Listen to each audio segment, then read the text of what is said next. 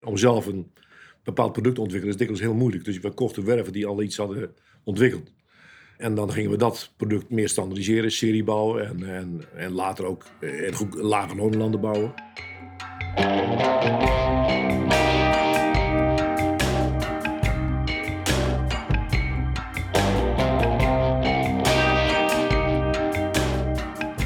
Je luistert naar Op Koers, een podcast van Damen.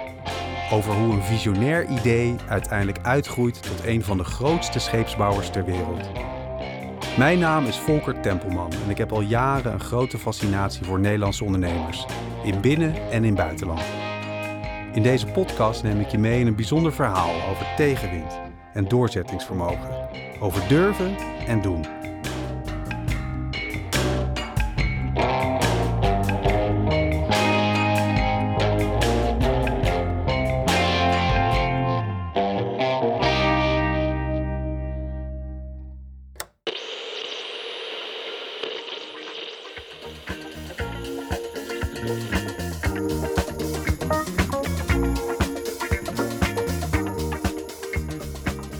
Het is 1976, zeven jaar nadat het bedrijf is gesplitst en Kommer voor zichzelf is begonnen.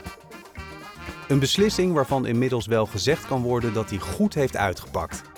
Het nieuwe Damen heeft inmiddels bijna 400 boten verkocht. Daarmee groeit ook het bedrijf in sneltreinvaart. Het is verhuisd naar een veel groter terrein in Gorkum en met 100 nieuwe medewerkers die in korte tijd worden aangenomen, verdubbelt het aantal personeelsleden tot meer dan 250. En je zou misschien verwachten dat daarmee ook de hiërarchie zijn intrede doet. De oude garde versus de nieuwe medewerkers, leidinggevende versus arbeiders. Maar niets is minder waar. Op het terrein in Gorkum overheerst de saamhorigheid. Hier geen aparte parkeerplaatsen voor de directie bijvoorbeeld. En wat je functie ook is, iedereen weet wie je bent en kent je naam. Iets dat overigens tot op de dag van vandaag hetzelfde is gebleven.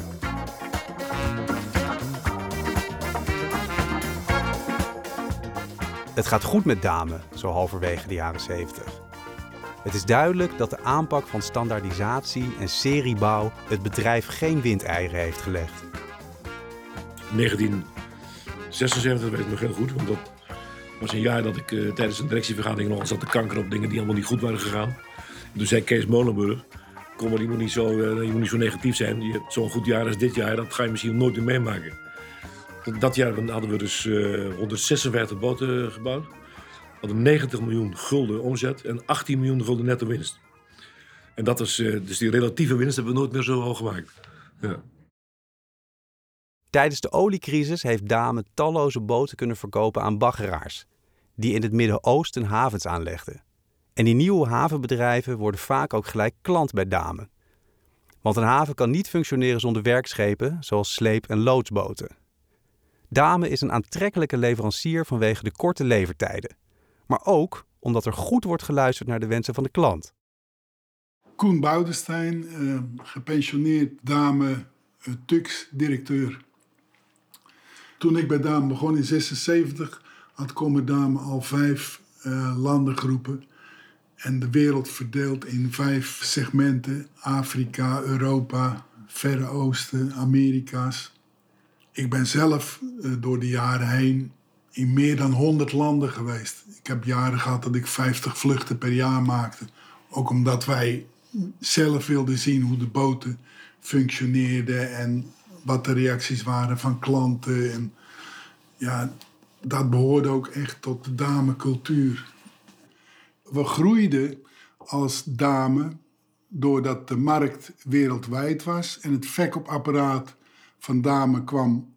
Als wij een ASD-tuk ontwikkeld hadden, kwamen op een gegeven moment verkopers binnen die voor Midden-Amerika een sleeboot wilden, die wat compacter was. En dan keken we heel goed naar de eisen van de specifieke klanten.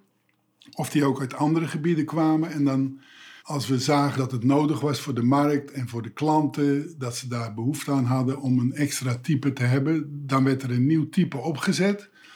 Maar dat werd opgezet als standaard. De standaard werkschepen worden telkens weer uitgebreid met nieuwe series. Ondertussen neemt de vraag alleen maar toe. Toch leidt dit niet tot stress bij damen. Ze kunnen de voortdurend groeiende vraag naar schepen goed aan. En dat heeft alles te maken met de manier van werken. Dame heeft relatief weinig personeel in dienst en besteedt het bouwen van de casco's uit.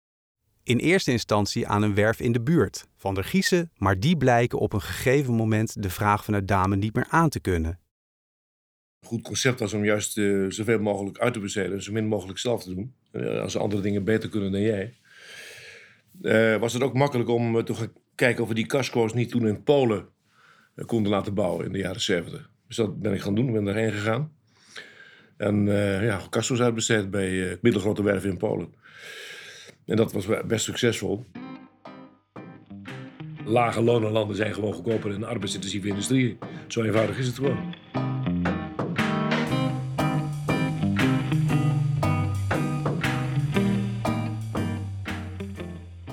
Dame breidt haar dienstverlening steeds verder uit.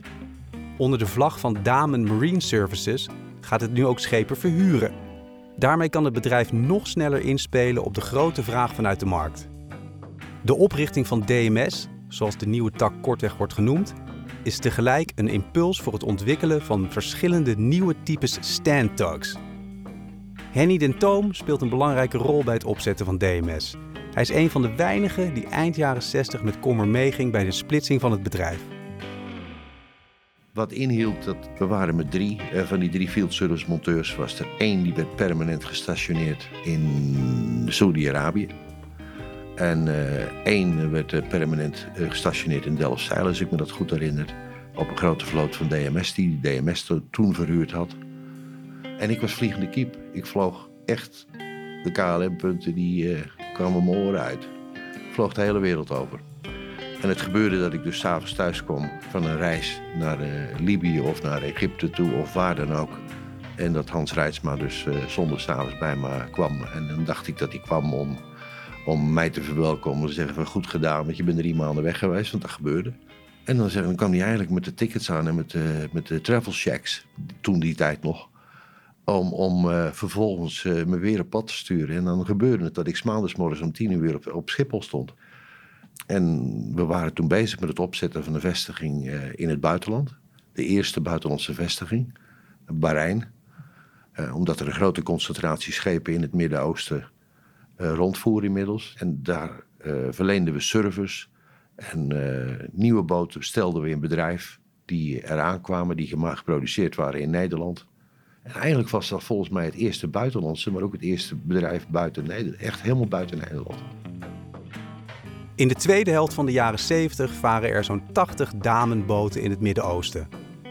Maar wanneer een boot onderhoud nodig heeft of als een reparatie uitgevoerd moet worden, dan blijken er in de regio nauwelijks geschikte werven te zijn.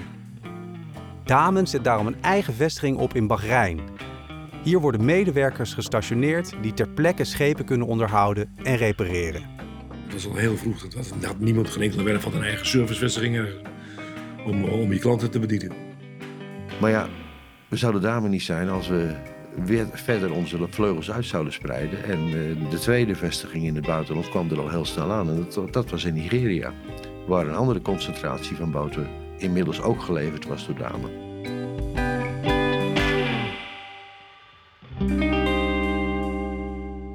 Elke nieuwe stap leidt weer tot nieuwe inzichten en ideeën. Om nog meer klanten in verschillende landen te kunnen bedienen, ontstaat het idee voor Damen Technical Cooperation. Dit komt erop neer dat Damen een prefab bouwpakket levert dat onder leiding van een expert ergens op de wereld in elkaar gezet kan worden bij een lokale werf. Was Nigeria een enorme grote markt. Midden-Oosten was een hele grote markt. Venezuela. Heel veel aan die olie-exporterende landen geleverd. Ik zag dus dat uh, sommige landen hadden importbeperkingen of politieke redenen om dingen lokaal te bouwen. Dus ik zag dat daar een markt voor was. En je, je kon, we konden onze hele logistieke organisatie gebruiken. Om ook bij een andere werf die equipment aan te leveren. En je engineering en dan uh, bouwtoezicht of bouwhulp. Mensen die echt meehielpen die boten te bouwen, mee te leveren. Dat was eigenlijk van het begin af aan een enorme winstgevende activiteit geweest. En nog steeds. Ik kreeg dan een breakdown-prijs. Ons materiaalpakket en onze engineering. En onze voormannen, zeg maar, onze uh, bouwhelpers. En alle lokale kosten die waren dan uh, in lokale currency. En dikwijls kon je ook lokaal al dingen kopen. Staal kon je dikwijls ook lokaal kopen. Dus daarmee verlaagden ze een buitenlandse uh, valutaverplichtingen. Dat was best een groot voordeel.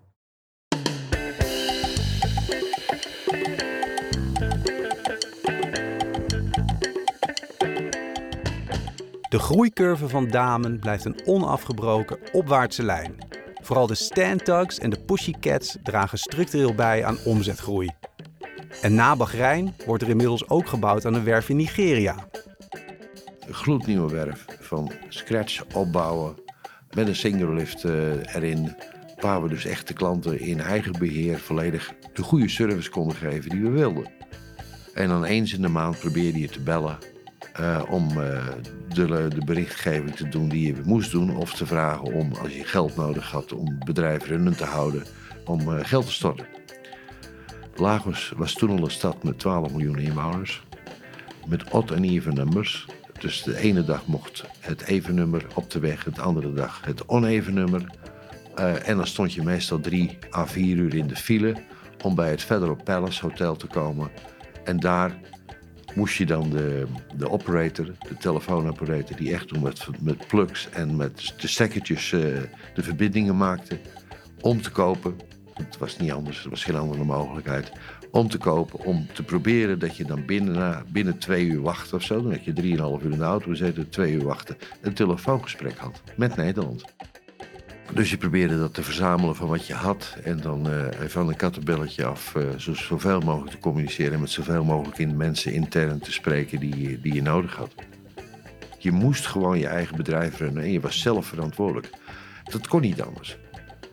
Maar je moest er wel bedenken dat je er wel verantwoordelijk voor was wat je, wat je deed. Henny is af en toe terug in Nederland en ook daar is het stevig aanpoten de sfeer was niet zoveel anders dan toen helemaal in het begin. Het was nog steeds van, we zetten met elkaar de schouders eronder. En uh, geschillen praten we met elkaar uit. En meestal was dat in de bar, hier bij het bedrijf. En dat waren soms lange avonden, lange nachten. Uh, maar we zaten uiteindelijk, kwamen we allemaal op dezelfde koers uit. En dat maakte ons zo sterk en daardoor groeiden we zo hard. Ik herinner me enorme lange discussies hier in de bar ruzies. Uh, die, uh, waar we het niet met elkaar eens worden. Een, een, die me, de andere morgen naar me toe kwam en zei van ik geef je nu ontslag. En dat vervolgens weer terugdraaide. Fantastische tijd. En als de boot klaar is voor de klant, wordt dat altijd gevierd. En alle verschillen die je toen had met de productgroepen.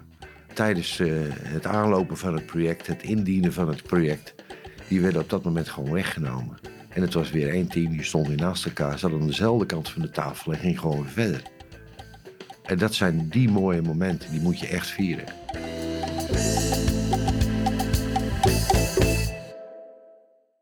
Ja, ik ben René Bergvens. En, heb... De werf in Nigeria is een succes. En dat geeft vertrouwen voor verdere uitbreiding. Vooral in Afrika. De werkwijze van Dames sluit daar namelijk goed aan op de markt. René Bergvens begint zijn carrière in 1983 bij Damen, op de verkoopafdeling. De landen waar ik me toen op moest concentreren waren vooral Angola, uh, Zaire, dat is tegenwoordig de Democratische Republiek Congo, uh, waar toen nog meneer Mobutu de scepter zwaaide, en minder, mindere mate Congo, Brazzaville, uh, Cameroen. En Angola was een ander land wat uh, heel erg in opkomst was. Angola was nou eh, typisch zo'n land waar ze natuurlijk ook olie hadden gevonden. Maar tegelijkertijd was Angola gewoon nog in burgeroorlog. Het was nog de door Rusland gesteunde regering tegen de door de Amerika gesteunde rebellen. En de regering dat zat voornamelijk aan de kust en de rebellen zaten in het binnenland. En voor het land ontwikkelen hadden ze schepen nodig in de havens, schepen nodig voor transport van mensen en, en middelen. Waarbij er enorm intensief contact was, natuurlijk niet alleen met de techneuten binnen, hè, dus de projectafdelingen binnen Dame, maar ook heel veel contacten met de ambassade, de Nederlandse ambassade in Angola, het ministerie van Buitenlandse Zaken en, Ontwikkelingshulp. En dat was een intensief traject, wat uiteindelijk goed gelukt. Ik denk dat we zeker drie of vier grote, toen voor ons, voor Dame, grote projecten hebben gedaan. Uh, eigenlijk, nou, heel, heel succesvol standaardiseren, dus gestandardiseerde ontwerpen proberen uh, en op voorraad gebouwde boten te verkopen. Dat was iets wat heel erg goed ook van toepassing was in in Afrika. Uh, ja, dat, die, die boten die daar bouwden waren eigenlijk heel geschikt voor dat type werk, voor dat type havens. Uh, zowel de kleinere werkbootjes als de grotere sleepboten als de loodsboten. Dus dat was eigenlijk, uh, dat, dat was eigenlijk niet zo moeilijk. De moeilijkheidsgraad lag hem vooral in hoe krijg ik die klant nou hoe krijg ik het proces zodanig dat die klant ook daadwerkelijk iets gaat kopen? Zorgen dat er geld is en dat het ministerie ja zegt en de, de, de andere ministeries allemaal ja. En dat enorme bureaucratische processen die daar aan ten grondslag lagen, dat was eigenlijk altijd de grootste uitdaging. De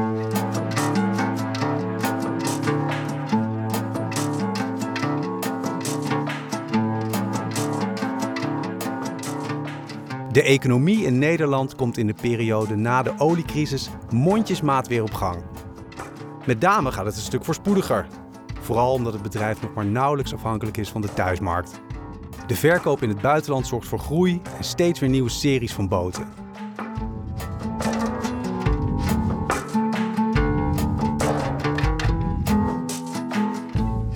Toch heeft Dame daarmee Nederland niet afgeschreven. Verre van. Kommer wil uitbreiden in eigen land. En om te onderzoeken welke plekken daarvoor het meest geschikt zijn, heeft Kommer natuurlijk een originele aanpak.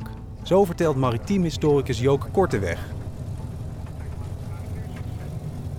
Toen was er dus zoveel in de markt dat hij een eh, vliegtuigje gehuurd heeft. En met dat vliegtuigje is hij over Nederland gevlogen. En dan met name over alle werven die te koop stonden.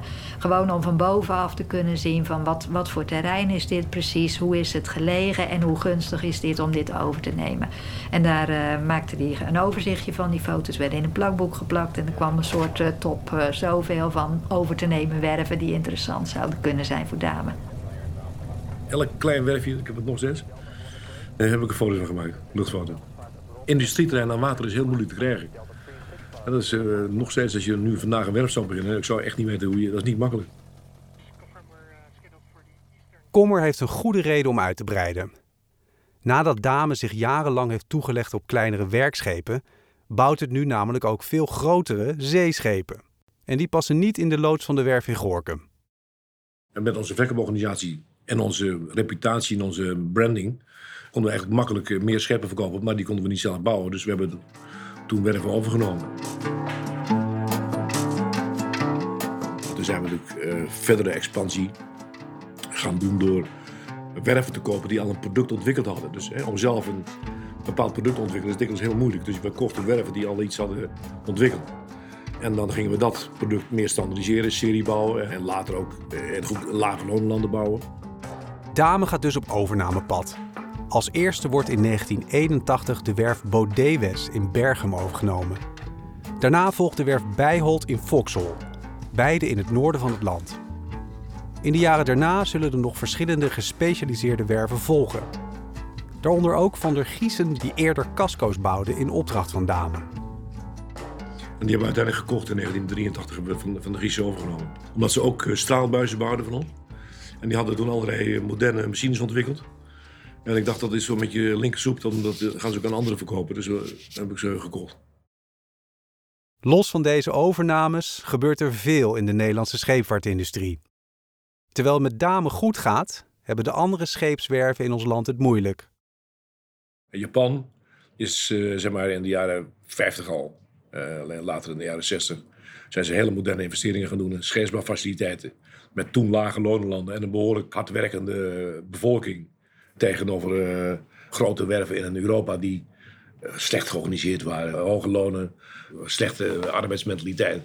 Ik ben was in die tijd in Wilde Feyenoord geweest, wat nu vandaan is. Nou, daar werkten om duizenden mensen. Weet je, die, nou, die werkten echt niet. Ja. Die uh, waren voornamelijk onderweg van de kantine naar hun werkplek en weer terug. Chaos. En die konden dus niet concurreren. En die werden dus in leven gehouden door de overheid met subsidies. En wat de overheid deed, die wilde eigenlijk één ding: die werkgelegenheid behouden van de grote scheepsbouw. En wat ze deden was werven verplicht laten samenwerken. Noodlijdende werven onderbrengen bij werven die eigenlijk nog heel redelijk draaiden. Met als gevolg natuurlijk. Dus de RDM, de Wilton Feyenoord, de Schelde en de Verolmenwerven. En de NDSM met Amsterdam, die werden allemaal bij elkaar gevoegd. Tot het RSV-concern was een enorm groot scheepsbouwconcern met mensen die aan de leiding werden neergezet door de overheid. die helemaal niet uit de scheepsbouw kwamen. En als je geen verstand van het vak hebt, komt helemaal geen bal van terecht. En dat betekende dat de overheid ook steun moest geven aan die bedrijven. Nou, dat werd gedaan, heel ruimhartig. In het RSV-concern zijn vanaf de jaren 70 tot 1983 is er ongeveer 2,7 miljard ingepompt. En dat was een enorm bedrag. En met ieder bedrag wat hoger werd hè, door de jaren heen, werd het ook moeilijker om te besluiten om een einde te maken aan RSV. Dat lukte gewoon niet. Nou, bleef heel veel geld in RSV gepompt worden en dat leidde toen het uiteindelijk echt failliet ging. In 1983 hebben ze toch failliet laten gaan. Leidde dat natuurlijk tot heel veel kamervragen van wat hebben wij gedaan en waarom hebben we dat gedaan. Dus een parlementaire enquête. Nou, dat was een soap werd op televisie uitgezonden. Dat was niet te geloven. Nou, het is duidelijk op dat moment een zwarte pietenspel van de leiding van de RSV. Om de regering daarmee voor het blok te zetten. Dat die regering op een gegeven ogenblik door de volksvertegenwoordiging, gezien de grote belangen op het gebied van werkgelegenheid en gezien de achterliggende industriële structuur, toch genoodzaakt zou zijn om daar de middelen beschikbaar te stellen. Want ik denk dat ze het allerliefste gehad hadden niks te sluiten maar een heleboel geld. Nou, die maakte ontzettend veel los. Heel veel kritiek op iedereen. Ministers kregen de schuld, maar ook de Tweede Kamer kreeg de schuld. Niet goed genoeg erop gezeten. En ja, nou ja, de, de, alle kritiek van overheidssteun aan de scheepsbouw kwam eigenlijk samen in dat hele verhaal. Bij de overheid zo terughoudend werd dat ze besloten helemaal geen steun meer te geven aan de scheepsbouw.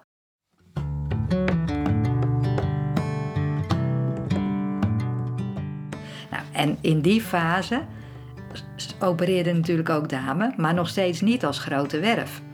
Dus die was helemaal niet een interessante partij hiervoor. Heel veel ging er ook buiten hem om, want in de jaren 70 ging Dame bijvoorbeeld achter de baggermaatschappijen aan naar het Midden-Oosten. Daar werden havens gebouwd, olieindustrie floreerde daar volop. Dus wat hier een oliecrisis was, was voor een bedrijf als Dame helemaal geen oliecrisis. En overheidssteun was voor hen geen sprake van. En ze waren te klein geweest om ooit samen te voegen met die grote concerns. Je zou kunnen zeggen dat Dame een tijd lang buiten beeld is. Maar dat verandert als de Nederlandse scheepsbouwindustrie in de problemen komt. En ineens kwam voor de overheid toen ook een werf als Dame als buitengewoon vooruitstrevend naar voren. Dat was eigenlijk voor die tijd helemaal niet geweest. Dat was gewoon een kleine werf geweest. Maar nu de grote werven failliet waren of verdwenen waren, was Dame ineens het voorbeeld van ja, maar daar gebeurt wat. Dame was niet zomaar een scheepsbouwer, Dame was een ondernemer in de ogen van ambtenaren op het ministerie van Economische Zaken. En dat zit natuurlijk steeds weer in die kernbegrippen van zijn filosofie. Hij dacht als bijvoorbeeld een autobedrijf uh, deed. Hè? Als een bedrijf wat auto's maakt, geeft bijvoorbeeld nummers of namen aan de ondermerken. Dat deed Dame ook. Er is geen scheepsbouwer in Nederland die op die manier tegen zijn product aankeek. Een schip had een naam. Dat was de naam die de opdrachtgever eraan wilde geven, een vrouwennaam in de meeste gevallen. Maar Dame die gaat dus een bepaalde seriebouw doen, waarbij het, het nummer, dat is in de markt al, dat, dat doet belletjes rinkelen. Dat staat voor kwaliteit, dat staat voor snelheid, dat staat voor leverbaarheid. Nou, en die commerciële insteek, die was voor de overheid aanleiding om te zeggen: kijk, zo moet de sector aangepakt worden. Dame onderscheidt zich dus binnen de Nederlandse scheepsbouwindustrie. Met een eigen aanpak en een duidelijke visie op de sector. In een interview met journalist Ischa Meijer in 1994 legt Kommer duidelijk uit hoe hij tegen subsidies aankijkt. Na de oorlog had, had de staat in Nederland weinig zin om te helpen met die, met die botenbouwerij. Ja, maar dat heeft de staat in Nederland nooit gehad en dat zou ook niet moeten. Uh, Want dat is toch een hele tijd toch de vraag geweest of de staat niet erg mee zou moeten helpen aan deze ik, ik industrie. Ik geloof dat de staat uh, de meeste industrieën niet moet helpen anders dan infrastructuur verzorgen. Uh, en in de scheepsbouw is het zo dat dat een, laat ik zeggen, mondiaal uh, door overheden gesteunde industrie is. Dan heb ik het over de grotere scheepsbouw. Uh, waar nu eindelijk een overeenkomst is binnen de OECD om dat te beëindigen. Dus ik denk dat het ook op is opgehouden met, met steun aan de scheepsbouw. Gelukkig. Gelukkig? Ja. Waarom gelukkig? Omdat het een ongezonde situatie is. Dat bedrijven moeten op zichzelf en met eigen, in hun eigen marktomstandigheden, in hun eigen kostsituaties kunnen bestaan. Je moet ondernemers stimuleren. Concurrentie, de concurrentie stimuleren. stimuleren. Uh, je moet niet al te veel belemmeringen maken. Uh, structuurwetgeving.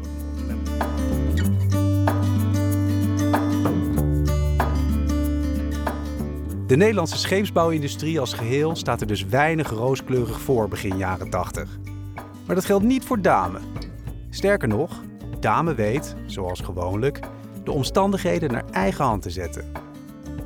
Ze kregen de mogelijkheid om delen van die grote werven, of hele grote werven, tegen een hele gunstige prijs over te nemen. Dus in het RSV-concern, Rijnschelde Verolmen, zat ook de Schelde. Was een interessante werf, deed aan marinebouw, was een oude werf, was uitgebreid terrein en Dame zocht ook wel eh, terreinuitbreiding. Dus eigenlijk had hij het een beetje voor het uitkiezen van wat, wat zullen we gaan doen wat uitbreiding betreft. Op dat moment heeft Damen al een aantal kleinere scheepswerven overgenomen. Met succes.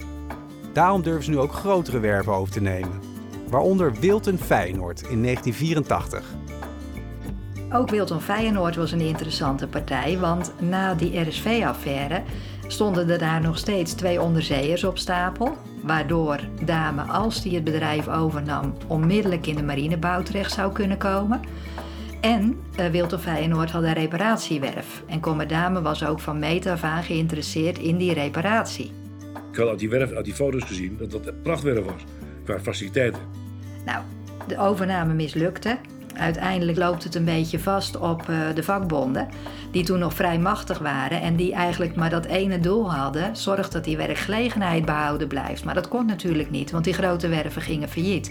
En Dame was bereid tot overname, mits ze flink gekrompen werd in het personeel. En dat lukte name door. Toen wilden wij het personeelsbestand reduceren van 2600 naar 1600. Nou, daar was hij er fel op tegen, maar we hadden er echt een goed plan voor. Dat was voor de vakbonden geen optie, dus voor de overheid geen optie.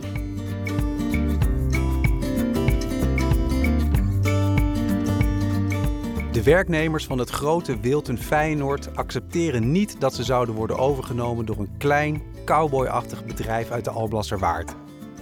Het leidt zelfs tot bedreigingen. Kommer krijgt in die periode politiebeveiliging. En zijn zus Dina hoort via via dat wanneer ze naar Schiedam komt, waar Wilton Feyenoord is gevestigd, ze gekidnapt zou kunnen worden. En die overname van Wilton Feyenoord ging niet door. En in dezelfde periode speelde een overname van de Schelde. Dat bod werd als te laag gezien. En dat werd dus uiteindelijk ook niet geaccepteerd. Interessant is wel dat er toen dus kennelijk al in de bedrijfsfilosofie aandacht was voor twee dingen die nu volop gebeuren in het bedrijf: en reparatie en marinebouw. Ook al gaat de overname niet door, Kommer blijft ondertussen werken aan zijn langetermijnplan de dienstverlening van het bedrijf steeds diverser maken. En kansen, ja, die ziet Kommer genoeg. De Schelde werd nog staatswerf omdat hij uh, marineschepen bouwde. Wilde nog het eigendom van de gemeente Schiedam. Rolmer werd verkocht door Keppel in uh, Singapore. En uiteindelijk kwamen dat soort werven wel bij het bedrijf, maar veel later eigenlijk. En nu zijn al die werven van ons. Het imperium van Dame blijft zich dus uitbreiden. Ook na de val van de muur in 1989 weet Dame werven over te nemen. In sommige gevallen zelfs zonder dat ervoor betaald hoeft te worden.